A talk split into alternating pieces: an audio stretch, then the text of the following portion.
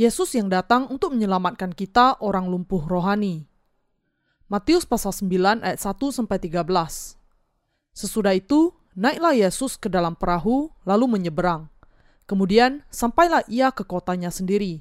Maka dibawa oranglah kepadanya seorang lumpuh yang terbaring di tempat tidurnya. Ketika Yesus melihat iman mereka, berkatalah ia kepada orang lumpuh itu, "Percayalah, hai anakku, dosamu sudah diampuni." Maka berkatalah beberapa orang ahli Taurat dalam hatinya, ia menghujat Allah. Tetapi Yesus mengetahui pikiran mereka, lalu berkata, Mengapa kamu memikirkan hal-hal yang jahat di dalam hatimu? Manakah lebih mudah mengatakan dosamu sudah diampuni atau mengatakan bangunlah dan berjalanlah? Tetapi supaya kamu tahu bahwa di dunia ini anak manusia berkuasa mengampuni dosa, lalu berkatalah ia kepada orang lumpuh itu, Bangunlah, angkatlah tempat tidurmu dan pulanglah ke rumahmu. Dan orang itu pun bangun lalu pulang. Maka orang banyak yang melihat hal itu takut lalu memuliakan Allah yang telah memberikan kuasa sedemikian itu kepada manusia. Setelah Yesus pergi dari situ, ia melihat seorang yang bernama Matius duduk di rumah cukai. Lalu ia berkata kepadanya, "Ikutlah aku." Maka berdirilah Matius lalu mengikut dia. Kemudian, ketika Yesus makan di rumah Matius, Datanglah banyak pemungut cukai dan orang berdosa dan makan bersama-sama dengan dia dan murid-muridnya. Pada waktu orang Farisi melihat hal itu, berkatalah mereka kepada murid-murid Yesus, "Mengapa gurumu makan bersama-sama dengan pemungut cukai dan orang berdosa?" Yesus mendengarnya dan berkata, "Bukan orang sehat yang memerlukan tabib, tetapi orang sakit. Jadi, pergilah dan pelajarilah arti firman ini. Yang ku kehendaki ialah belas kasihan, dan bukan persembahan. Karena aku datang bukan untuk memanggil orang benar, melainkan orang berdosa.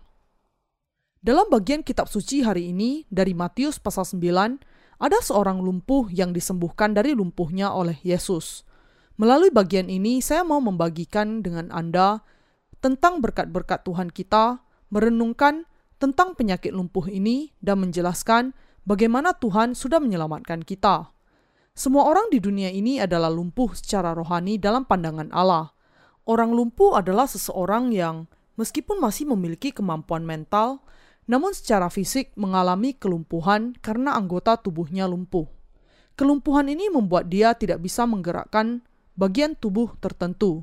Jadi, ketika seseorang menjadi lumpuh, dia tidak bisa menggerakkan anggota tubuhnya dengan bebas sekehendak hatinya.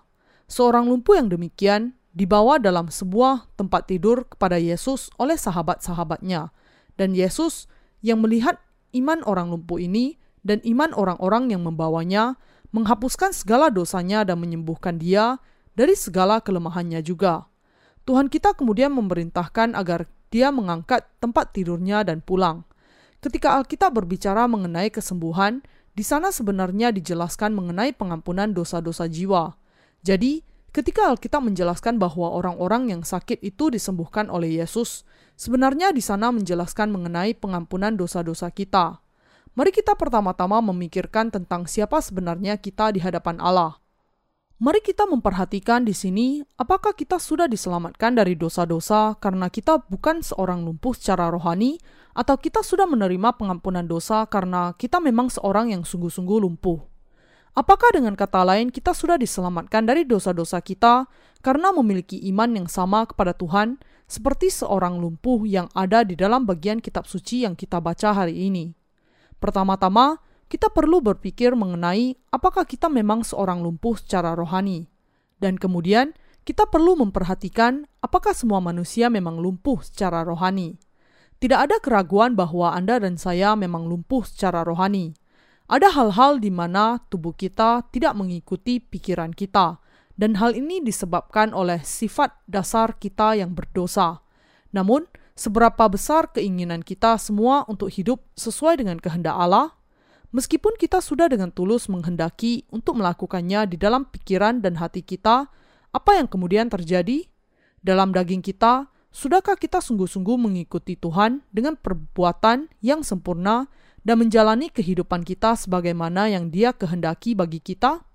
Tidak, kita semua gagal melakukan demikian. Inilah sebabnya Anda dan saya pada dasarnya menderita kasus kelumpuhan rohani yang serius. Meskipun kita sudah lumpuh rohani demikian, kita masih diselamatkan dari segala dosa kita dengan percaya kepada Injil, air, dan Roh. Saya mengenal diri saya dengan baik. Bisakah saya sungguh-sungguh melakukan segala sesuatu yang diinginkan hati saya? Saya bisa dengan jujur mengatakan kepada Anda bahwa saya tidak mampu mencapai hal ini. Hati saya sungguh-sungguh menghendaki untuk mengikuti kehendak Tuhan 100% dan untuk menjalani kehidupan sebagaimana yang dia kehendaki bagi saya. Tetapi yang lebih sering, saya gagal di dalam upaya ini. Ada banyak waktu ketika perbuatan saya tidak mengikuti kehendak hati saya, tetapi saya masih percaya, meskipun saya sungguh-sungguh lumpuh rohani, Tuhan sudah menyelamatkan saya dari segala dosa saya. Saya yakin bahwa Anda juga demikian. Anda juga sudah menjadi lumpuh rohani dan tidak bisa melakukan apa yang Anda ingin lakukan karena kekurangan Anda. Tetapi saya percaya bahwa Tuhan kita sudah menyelamatkan orang-orang seperti kita dari segala dosa kita dengan kuasa Injil air dan roh. Apakah Anda sempurna dalam tubuh dan roh Anda? Apakah daging Anda, pemikiran, hati dan perbuatan Anda sempurna dan penuh? Tidak, tentu saja semuanya tidak sempurna. Anda dan saya masih memiliki kekurangan, sama seperti orang lumpuh itu. Lalu, seberapa banyak kekurangan yang kita miliki? Karena kita memiliki kelemahan, Tuhan tidak bisa tidak datang kepada kita, dan dengan melakukan demikian, Dia sudah menyelamatkan kita dari segala dosa kita. Melalui baptisan Yesus Kristus dan curahan darahnya, kita sudah bisa diselamatkan dari segala dosa kita. Ketika kita memahami bahwa kita sungguh-sungguh memiliki kekurangan, kita bisa menerima keselamatan dan segala berkat dari Allah. Karena itu, kita semua harus mengakui segala kelemahan di hadapan Allah dan menjalani kehidupan di dalam anugerahnya dengan ucapan syukur. Kapankah Anda mengenal kelemahan Anda? Adalah ketika kita gagal untuk hidup seturut dengan kehendak Tuhan dan ketika kita gagal melakukan perbuatan yang benar sebagaimana yang dia kehendaki, saat itulah kita bisa mengakui diri kita sebagai makhluk yang lemah. Kita bisa menemukan kenyataan ini sebagai kenyataan dan bukan hanya dalam teori saja, dan hati kita kemudian menjadi rendah hati dan menjadi lemah lembut. Saudara seiman yang terkasih, kita lemah dan lumpuh, akan tetapi Tuhan sudah menyelamatkan orang-orang seperti kita dari segala dosa kita. Karena itu, kita jangan sampai lupa kepada berkat-berkat Allah, bahwa Dia sudah menyelamatkan kita dari segala dosa kita karena iman kita kepada Injil air dan roh. Ketika kita memahami dasar kelemahan kita sebagaimana adanya, kita tidak bisa tidak mengucapkan syukur atas keselamatannya yang sudah menyelamatkan kita dari keadaan yang sangat fatal secara rohani itu. Hanya setelah itu kita bisa menjadi orang-orang yang rendah hati, yang dengan penuh syukur memelihara kebenaran bahwa Tuhan sudah menyelamatkan kita dari segala dosa kita dengan kuasa Injil air dan roh. Namun, saat kita menjalankan kehidupan iman di hadapan Allah, kita sering lupa akan kelemahan kita sendiri, berpikir bahwa segala sesuatu baik-baik saja, karena kita telah menerima pengampunan dosa-dosa kita. Dan ada saat-saat ketika kita sungguh-sungguh memahami segala kelemahan orang-orang lain, namun kita tidak mau mengakui kelemahan kita sendiri. Ketika seorang perempuan tertangkap berbuat jina dibawa kepada Yesus, dia sudah mengatakan kepada orang-orang yang ada di sekelilingnya yang bermaksud untuk melempari dia dengan batu. Barang siapa yang tidak berdosa di antara kamu, biarlah dia yang terlebih dahulu melemparnya. Ketika Yesus mengatakan demikian, tidak ada seorang pun yang melemparkan satu batu pun. Pada kenyataannya, kita juga seperti perempuan yang tertangkap sedang melakukan perjinahan itu, karena kita semua juga berdosa, sama seperti perempuan ini. Kita tidak memiliki hak untuk mengomentari apakah orang lain memiliki kelemahan atau tidak. Masing-masing kita adalah orang-orang yang lumpuh rohani, dan kita semua tidak sempurna. Karena demikianlah keadaan kita, maka Tuhan kita sudah menyelamatkan kita dari dosa-dosa kita dengan Injil air dan roh. Dan semua yang telah kita lakukan adalah bahwa kita telah menerima keselamatan dari dosa-dosa kita dengan percaya kepada kebenaran ini. Di antara orang-orang benar, tidak ada yang lebih baik atau yang lebih buruk. Jauh lebih baik kalau kita memiliki kemampuan yang sedikit dan dengan itu tidak bisa menyombongkan diri dibandingkan dengan kesombongan yang membuat kita sering merasa lebih baik dibandingkan dengan orang lain. Sementara orang-orang yang mengenal kelemahan mereka sendiri akan menemukan dan percaya kepada kebenaran Injil air dan roh yang diberikan Allah, orang-orang yang tidak mengenali kekurangan mereka sendiri akhirnya akan menolak Injil yang benar yang bisa membasuhkan segala dosa mereka. Karena itu, memahami diri kita secara benar adalah sesuatu yang sangat penting bagi kita. Karena kalau kita tidak bisa memahami dasar kelemahan kita, mustahil bagi kita untuk bisa bersandar kepada kuasa Injil air dan roh. Tuhan kita juga mengatakan di dalam bagian kitab suci hari ini, Aku datang bukan untuk memanggil orang benar, melainkan orang berdosa. Tidak benar bagi kita kalau kita tidak bisa memahami betapa lemah dan penuh kekurangan kehidupan kita ini, dan bahkan meletakkan kesalahan kepada orang-orang lain dan menghakimi mereka. Adalah kecenderungan manusia untuk memunculkan berbagai macam alasan, mengatakan bahwa bukan karena kita pada dasarnya jahat, tetapi karena orang-orang lain yang jahat sehingga kita tertular untuk berbuat kejahatan. Jadi, sebagai akibatnya kita tidak bisa memahami bahwa masalah sebenarnya bukan pada orang-orang lain, tetapi di dalam diri kita, dan bahwa adalah kelemahan kita sendiri yang menjelaskan masalahnya.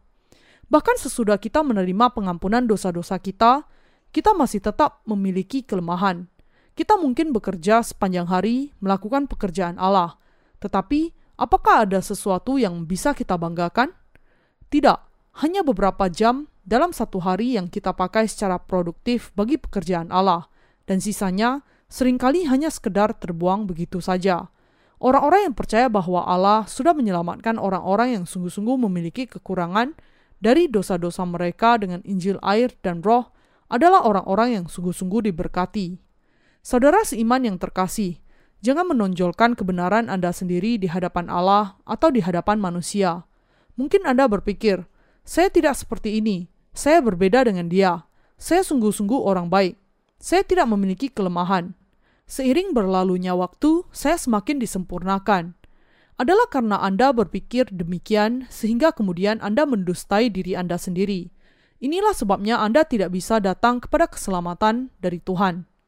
Inilah sebabnya Bahkan jika Anda diselamatkan, Anda tidak bisa berlari menuju keselamatan orang lain dengan percaya kepada Injil air dan roh. Setiap saat kita harus mengakui kepada Tuhan, saya seperti orang yang lumpuh itu, Tuhan. Kebenaran ini bukan pernyataan hipotesis saja, tetapi sebuah kenyataan. Saat kita menjalankan kehidupan iman kita, kita harus memahami di hadapan Allah bahwa kita senantiasa memiliki kelemahan dalam tindakan kita. Hanya setelah itu kita bisa menerima kelemahan kita dan kelemahan orang-orang lain juga. Apa yang terjadi kalau kita mengatakan bahwa kita tidak memiliki kelemahan sebagaimana orang-orang lain? Hati kita akan menjadi sombong dan menjadikan diri kita seolah-olah sebagai hakim bagi mereka. Tetapi siapa yang bisa berdiri tegak di hadapan hukum Allah? Apakah Anda menyaksikan televisi? Apa yang Anda lihat di dalam berita? Kita melihat bahwa bahkan orang-orang yang memiliki kuasa yang memiliki pengaruh yang besar dalam bidang politik juga akan disebut sebagai penjahat kalau mereka melanggar hukum. Ketika seorang penjahat dibawa ke kantor penuntut umum, dia juga harus berdiri tepat di tempat yang memang disediakan bagi para penjahat. Para wartawan kemudian mengambil gambarnya dan dia harus menyerahkan diri untuk diperiksa. Lalu, dia harus berdiri di pengadilan sebagai terdakwa dan kemudian dijatuhi hukuman yang setimpal. Jadi, Biar bagaimanapun berkuasanya seseorang di dalam dunia ini, kalau dia melakukan kejahatan dan melanggar hukum yang ada, tidak hanya kebanggaannya akan hilang, tetapi juga nama baik dan statusnya akan hancur. Semua kuasa yang dimiliki oleh orang itu hanya akan tinggal mimpi saja saat dia runtuh dan jatuh berantakan. Inilah gambar dari seorang penjahat. Bahkan di hadapan hukum sekular dunia ini, seseorang yang melakukan kejahatan akan berubah menjadi tokoh yang sangat menyedihkan. Kita tidak bisa menghindar menjadi tokoh yang menyedihkan itu kalau kita mengaplikasikan hukum itu secara tepat bagi diri kita sendiri. Tetapi dari hukum itu, kita harus melihat keberdosaan kita dan dengan menempatkan iman kita kepada baptisan yang diterima Yesus Kristus dari Yohanes dan curahan darahnya sebagai penebusan bagi dosa-dosa kita sendiri, kita harus dibebaskan dari segala dosa kita. Kita kemudian bisa menjadi berani dan percaya diri dengan iman kita yang mengetahui dan memiliki keyakinan di dalam kuasa Injil air dan roh. Yesus Kristus sudah menyelamatkan kita dari segala dosa kita sebagai juru selamat yang benar. Kita harus memiliki keyakinan dengan menempatkan iman kita kepada Tuhan ini. Kalau bukan karena iman ini kepada kuasa Injil air dan roh, siapa yang bisa berdiri di hadapan hukum Allah? Rekan seiman yang terkasih, orang-orang munafik yang berusaha untuk merajam perempuan yang berzina itu adalah orang-orang yang merasa benar hanya karena dosa-dosa mereka belum dinyatakan. Tetapi kalau mereka berdiri di hadapan hukum Allah dengan jujur, apakah mereka berani mengangkat satu batu pun? Ketika Anda dan saya berdiri di hadapan Allah, hanya dengan percaya kepada Injil yang mengandung kebenarannya saja yang bisa membawa kita masuk ke surga. Semua orang adalah berdosa dan akan tetap ada dalam keadaan demikian, kecuali dia menjadi percaya kepada Injil, air, dan roh. Orang-orang berdosa itu tidak ada apa-apanya di hadapan Allah. Kalau bukan karena iman kita kepada Injil yang mengandung kebenaran Allah, kita tidak akan bisa menjalani hidup dengan iman seperti ini sampai hari ini. Bahkan kalaupun seseorang telah mengatakan, "Saya sepenuhnya bebas dari kesalahan dan tidak ada yang saya sembunyikan." Tanpa belas kasihan Allah yang penuh kuasa, dia tidak bisa diselamatkan dari dosa-dosanya. Orang lumpuh di sini dibawa kepada Yesus oleh sahabat-sahabatnya. Yesus kemudian mengatakan kepada orang lumpuh itu, "Anakku, dosa-dosamu sudah diampuni." Rekan seiman yang terkasih, Berapa banyak dosa yang mungkin sudah dilakukan oleh orang lumpuh itu? Mungkinkah dia melakukan dosa yang lebih banyak dibandingkan dengan orang-orang yang sehat dan normal? Mengapa kemudian Yesus mengatakan, "Anakku, dosa-dosamu sudah diampuni"?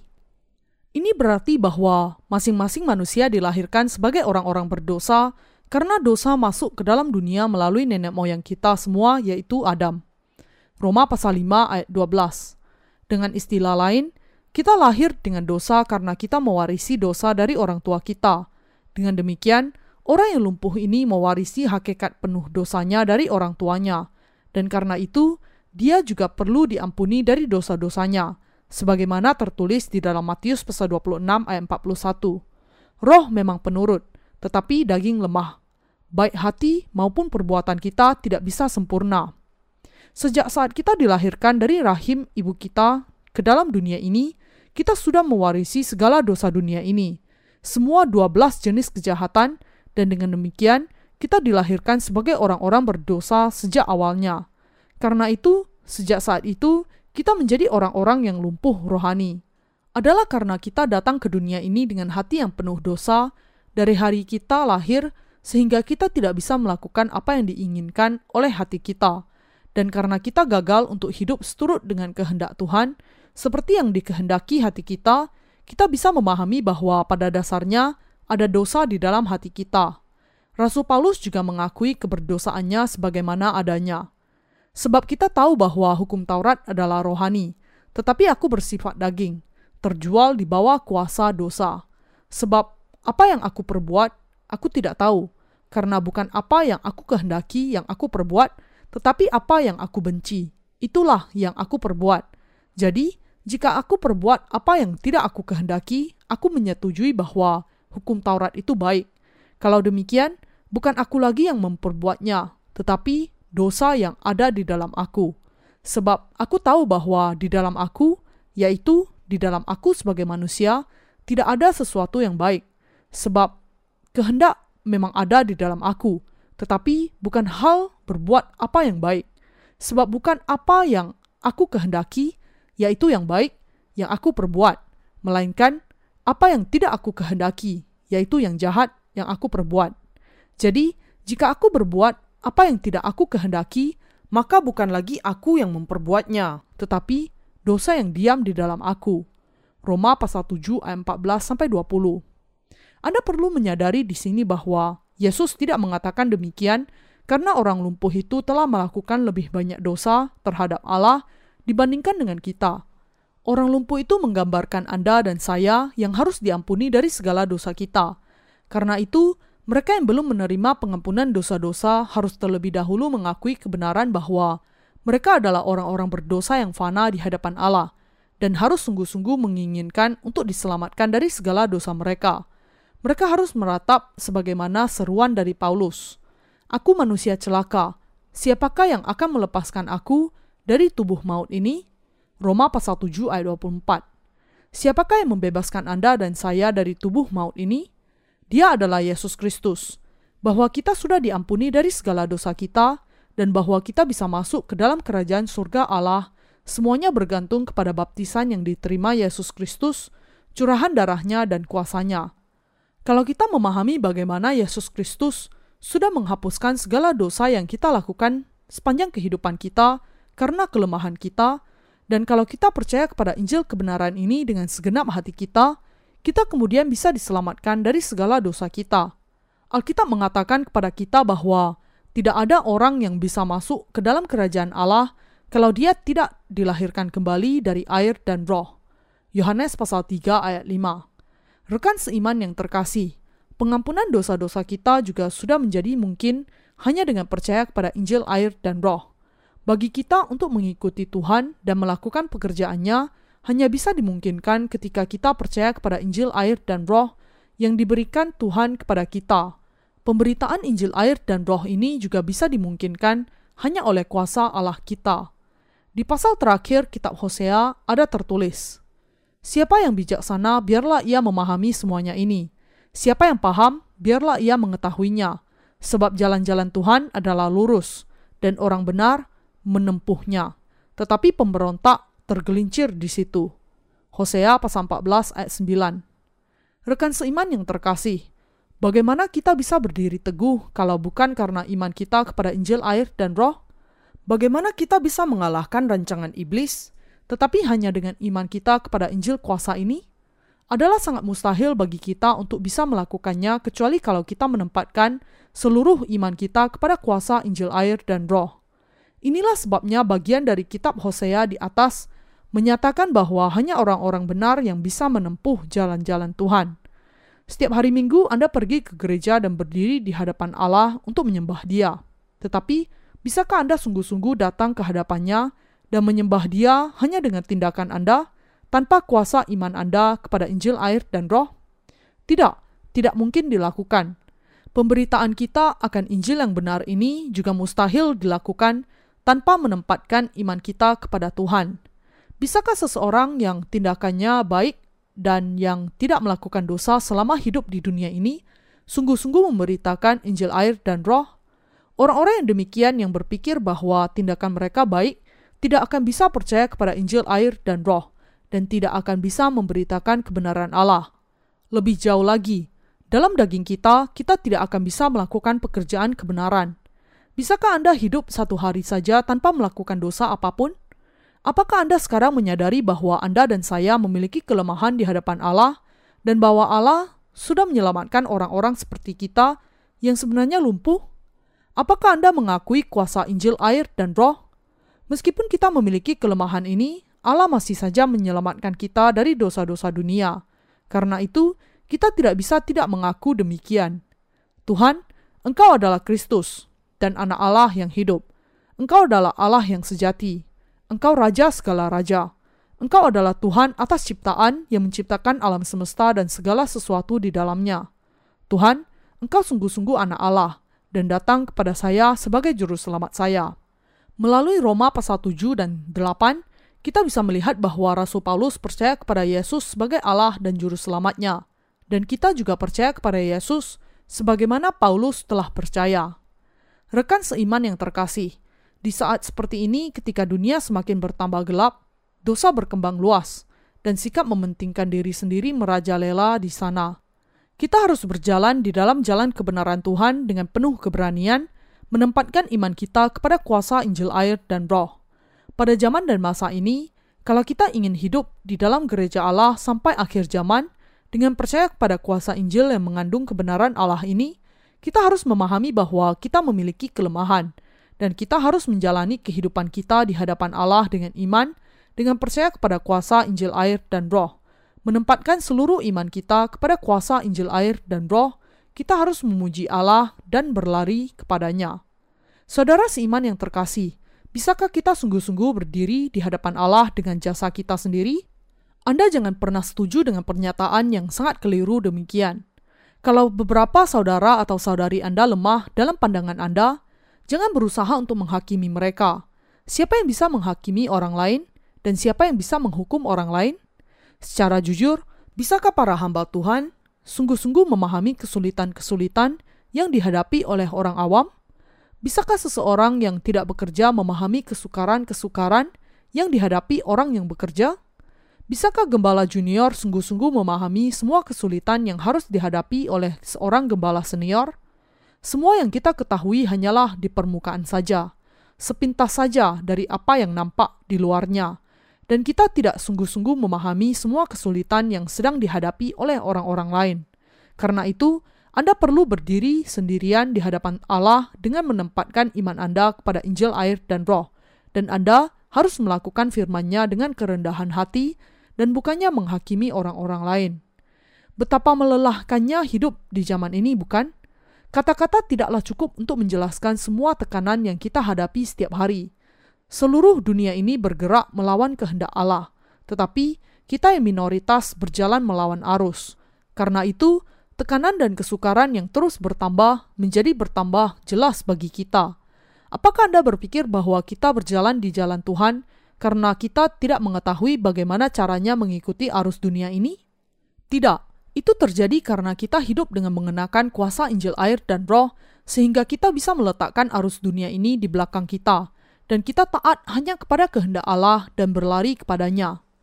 Rekan kudus yang terkasih, kalau seseorang di sekitar Anda menjalani masa-masa yang sulit, Anda harus berusaha untuk memahami dia dan bukannya menghakimi dia.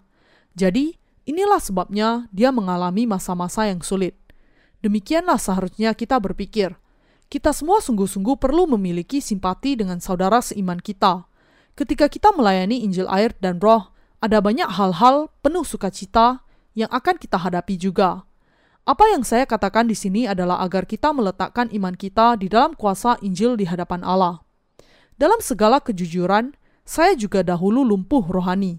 Tetapi Tuhan sudah menyelamatkan saya dari segala dosa saya. Dan terus terang, Anda dahulu juga lumpuh rohani. Tetapi Tuhan sudah menyelamatkan Anda dari segala dosa dunia. Tidak ada seorang pun di antara Anda yang diselamatkan dari segala dosa oleh Tuhan atas dasar kesempurnaan Anda sendiri. Tidakkah Tuhan sudah menyelamatkan kita dengan Injil air dan roh, bahkan meskipun Anda dan saya juga seperti orang lumpuh itu? Tidak hanya dengan kata-kata saja kita mengakui bahwa kita lumpuh, dan bahwa kita semua memiliki kelemahan. Tidakkah kita memang sesungguhnya memiliki kelemahan di dalam daging kita? Tentu saja, apakah Anda tahu berapa banyak waktu yang diperlukan agar seseorang bisa mengenali dirinya yang sesungguhnya? Tidak mudah sama sekali untuk mengenali diri sendiri. Jadi, seseorang yang mengenal hakikat dasarnya sendiri itu memang seorang yang sangat luar biasa. Kalau kita mengakui bahwa kita lumpuh, maka kita harus berjalan dengan iman mulai sekarang. Kita harus hidup dengan iman, memberitakan Injil dengan iman, mempertahankan hati kita dalam iman, berdiri di hadapan Allah dengan iman, mengalahkan dunia ini dengan iman, dan memperlakukan sesama dengan iman. Apalagi yang kita miliki selain dari iman kita, tidak ada lagi yang tersisa di dalam diri kita kalau iman kita diambil. Keberadaan dasar manusia sebenarnya tidak ada apa-apanya. Kita bukan siapa-siapa tanpa kuasa Injil. Apakah kehebatan manusia? Kita semua hidup hanya sementara saja, seperti embun pagi dan rentan seperti rumput. Ada tertulis, semua yang hidup adalah seperti rumput, dan segala kemuliaannya seperti bunga rumput. Rumput menjadi kering, dan bunga gugur, tetapi firman Tuhan tetap untuk selama-lamanya. 1 Petrus pasal 1 ayat 24 sampai 25. Memakan waktu cukup lama bagi tanaman untuk bertumbuh, tetapi jarak waktu yang ada antara saat bunga itu berkembang dengan layunya bunga itu sangat singkat. Coba saja perhatikan vas bunga di rumah Anda sendiri. Daun dari bunga yang mengelilinginya nampak sangat kuat sekarang ini. Tetapi tinggalkan beberapa minggu lalu lihat apa yang terjadi. Daun itu akan layu.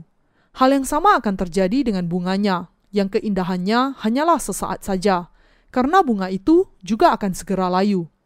Kita manusia adalah seperti bunga yang layu itu. Hidup memang seperti ini. Sebagaimana bunga yang berkembang, layu dalam sekejap, gambaran tentang manusia yang sebenarnya adalah sedemikian sampai kita juga akan segera layu seperti mereka. Meskipun kita hanyalah sekedar makhluk yang sementara saja, kita sekarang memiliki firman Allah yang kekal yang sudah menjadikan kita manusia beriman dan anak-anak Allah yang tidak akan binasa.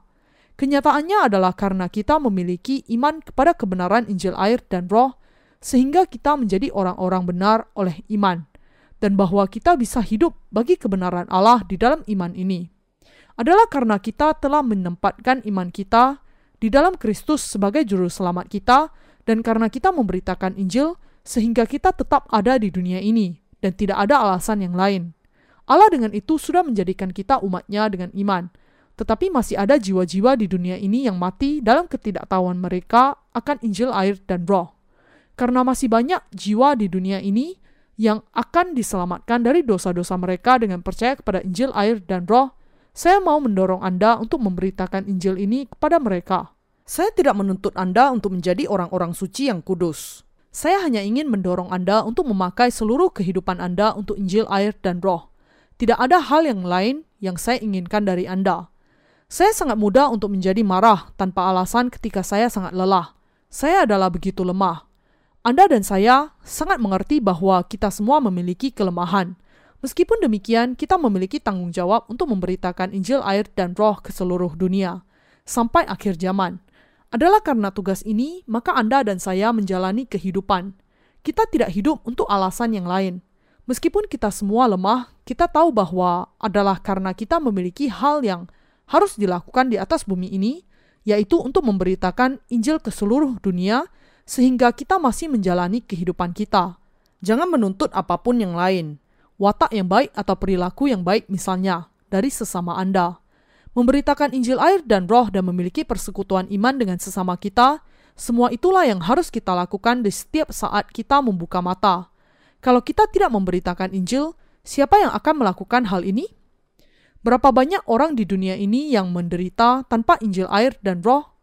Kita bisa melihat banyak orang-orang Kristen yang malang yang berusaha begitu keras untuk menjalani kehidupan sesuai dengan kehendak Allah melalui doa-doa pertobatan mereka dan tekad pribadi mereka. Kenyataannya, mereka melakukan demikian karena mereka dikuasai roh jahat. Apakah Anda tidak memiliki belas kasihan kepada mereka? Memang ada begitu banyak orang di dunia ini yang belum pernah mendengar Injil air dan roh, sehingga kalau saja saya diberi kemampuan untuk memberitakan Injil ini kepada mereka, saya tidak menginginkan apa pun yang lain. Adalah karena Injil ini sehingga mata saya sampai menjadi merah. Adalah karena Injil ini saya sampai mencucurkan air mata. Dan adalah karena Injil ini saja saya melakukan semua pekerjaan yang lain. Saya tidak akan pernah melakukan banyak hal yang lain kalau bukan karena Injil. Kalau saya tidak membulatkan tekad saya bagi pengabaran Injil, saya akan bekerja keras setiap hari untuk memenuhi kebutuhan saya. Tetapi karena kita tidak hidup seperti ini, tetapi kita hidup untuk Injil, kita semua memang melakukan hal yang sangat berharga. Allah sudah mempercayakan kita dengan pekerjaan yang sangat berharga. Ada saat-saat di mana saudara kita ditahbiskan menjadi pekerja Allah dan diutus ke tempat pelayanan mereka. Dalam waktu demikian, saya melihat beberapa di antara mereka menjadi ragu dan berpikir, Mengapa saya diutus ke sana dan bukannya diutus ke sini? Saya biasanya mengatakan kepada mereka, "Mengapa Anda khawatir mengenai di mana dan bagaimana Anda harus hidup? Ketika Anda menjalani hidup untuk memberitakan Injil air dan Roh, apa yang lebih mulia dibandingkan dengan pekerjaan ini di dunia ini?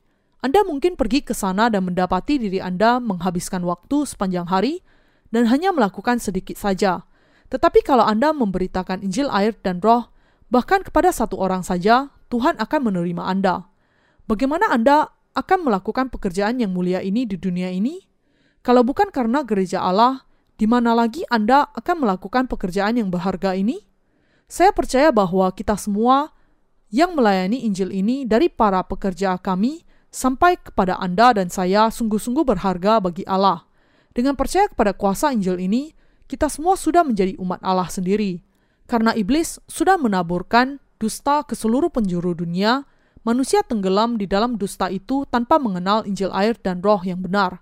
Semua yang harus kita lakukan adalah menyebarkan kebenaran air dan roh ke seluruh dunia ini yang dipenuhi dengan dusta dan pergi kepada Tuhan ketika dia datang kembali untuk kita. Kalau Tuhan tidak datang kembali ketika kita masih hidup, maka marilah kita terus memberitakan Injil. Ada saat di mana kita secara sukarela melakukan pekerjaan yang sulit bagi Injil ini. Tetapi ada saat-saat sukacita yang kita alami ketika melayani Injil dengan iman. Allah memberikan kepada kita penghiburan dan kekuatan baru setiap kali kita meminta pertolongannya. Rekan seiman yang terkasih, saya sungguh-sungguh ingin memberitakan Injil yang berkuasa ini sampai hari kedatangan Tuhan kita kembali. Kalau saya tidak bisa memberitakan Injil sendiri karena kelemahan tubuh saya, paling tidak saya ingin menggenapi peran saya sebagai pendukung Injil ini. Saya juga harus melayani Injil dengan doa-doa saya sampai hari kedatangan Tuhan dan demikian juga Anda. Mari kita saling bergandengan, saling menolong, dan saling mempercayai, sehingga kita semua bisa mencapai hal ini. Saya yakin bahwa meskipun kita tidak memperbaiki diri kita sampai tingkatan pengudusan tertentu di dunia ini, jika kita mau memberitakan Injil kuasa ke seluruh dunia, Tuhan akan berkenan kepada kita. Mari kita menjalani kehidupan kita untuk memberitakan Injil ini, dan marilah kita menghadap Tuhan setelah memberitakan Injil sampai akhir hayat ini. Kalau manusia tidak menerima Injil itu, setelah mendengarnya, biarlah mereka tidak diselamatkan, dan marilah kita memberitakan Injil kepada orang-orang lain. Dan kalau tidak ada seorang pun yang mau menerimanya, meski bagaimanapun kita memberitakannya, maka baiklah kita juga berhenti memberitakannya dan hanya menantikan kedatangannya kembali. Orang yang lumpuh dalam bagian kitab suci hari ini menerima pengampunan dosa dengan bertemu Tuhan dan percaya kepada kuasanya adalah karena dia memiliki kelemahan sehingga dia menerima pengampunan dosa dengan iman, dengan percaya, dengan kata lain, kepada kuasa Tuhan. Kalau perbuatannya tidak ada celahnya, mungkin dia tidak datang kepada Yesus untuk meminta keselamatan darinya, dan akhirnya tidak bisa ditebus dari segala dosanya dengan percaya kepada kuasa Tuhan. Rekan seiman yang terkasih, di hadapan Allah hanya orang-orang yang mengetahui bahwa mereka sangat lemah dalam perbuatan mereka yang bisa menerima pengampunan dosa mereka dengan percaya kepada kuasa Injil Tuhan. Apakah Anda berpikir bahwa dengan melakukan asketis seperti Buddha, lalu kita bisa menerima pengampunan dari dosa-dosa kita? Adalah mereka yang memahami bahwa dirinya itu sekedar tumpukan dosa saja yang bisa diampuni dari segala dosa mereka dengan percaya kepada kuasa Injil itu, bahwa Yesus datang ke bumi ini dan sudah menghapuskan dosa-dosa mereka dengan air dan darah. Saya bersyukur kepada Tuhan karena sudah menyelamatkan kita dari segala dosa kita. Amin.